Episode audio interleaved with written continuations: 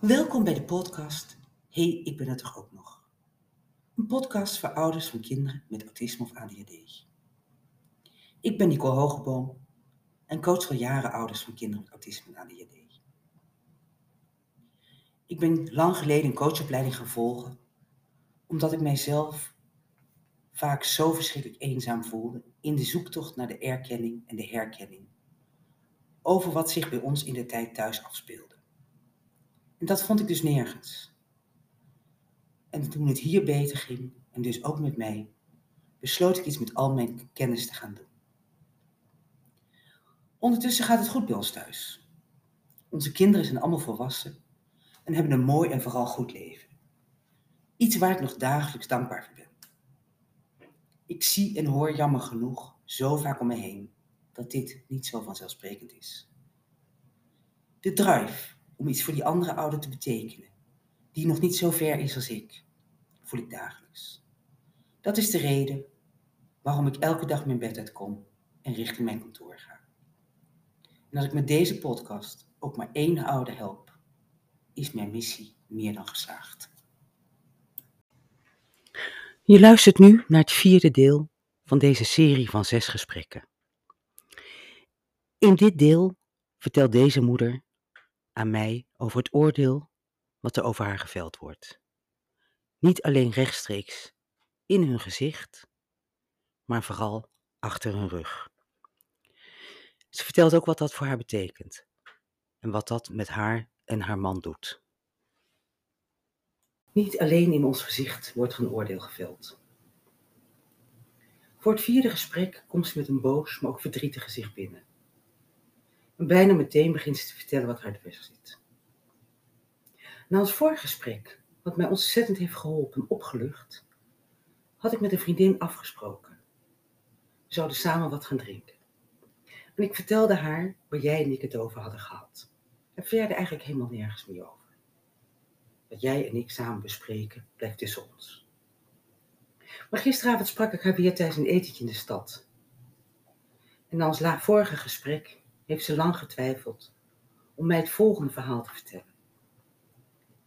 Maar ze vond dat ik het recht heb om het te weten. Die ene vriendin, hè, waar wij het de vorige keer samen over hebben gehad, had nog het fatsoen om het mij recht in mijn gezicht te vertellen.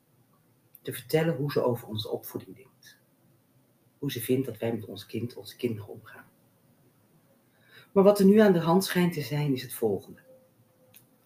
Vrienden van ons bespreken onze opvoeding met anderen. Met anderen uit onze gemeenschappelijke vriendenkring. En ze hebben duidelijke mening over mijn man en over mij.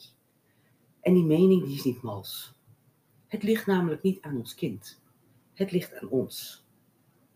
En verder schijnt dat onze andere kinderen aan hun hebben verteld hoe zwaar ze het hebben. En dat dit ook voor een groot gedeelte door mijn man en door mij komt. En of onze kinderen dit daadwerkelijk hebben gedaan, betwijfel ik. Maar ik wil ze hier ook niet naar vragen. Ze zijn nog te jong om hen hierin te betrekken. Te betrekken in een verhaal over verbroken vertrouwen. Want dat was wat er gebeurt. En ik voel mij hierdoor compleet kapot. Ik heb vannacht amper geslapen. En hoe kan het dat men het lef heeft om deze verhalen in onze gezamenlijke vriendenkring te delen. Of eigenlijk te vertellen achter onze rug. Het voelt als een mes in mijn rug. En dan te bedenken dat dit stel zelf geen kinderen heeft. En nooit heeft hoeven nadenken over de problematiek van opvoeden. Iets waar je als ouders zelfs bij kinderen zonder diagnoses soms mee geconfronteerd wordt. Dat zeg ik soms, Dagelijks. Opvoeden doe je niet zomaar. Maar wie uit onze vriendenkring kan ik nu nog vertrouwen? En wie praat er nog meer achter onze rug over ons gezin? Ik weet het niet. Ik kom hier niet uit. En volgende week zien we ze allemaal weer op een gezamenlijke verjaardag van een vriend. Maar of ik daar nog heen wil, is een tweede. Ik heb mij, denk ik, nog nooit zo verschrikkelijk kwetsbaar gevoeld. Dit doet zo diep pijn. En ik weet even niet hoe ik hiermee om moet gaan. We praten samen verder over wat haar steekt, wat haar raakt. En wat haar verschrikkelijk veel pijn heeft gedaan. En nadat ze naar huis is gegaan, bedenk ik mij dat dit oude zo verschrikkelijk eenzaam maakt.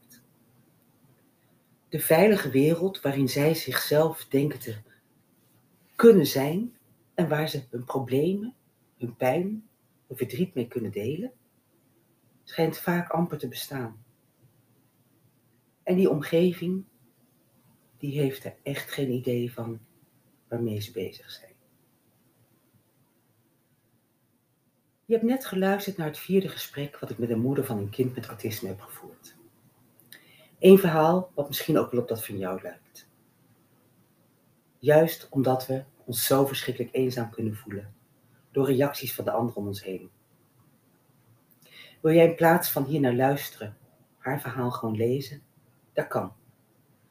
Ga naar mijn website www.nhbc.nl en onder het kopje e-books vind je het e-book De Zes Gesprekken.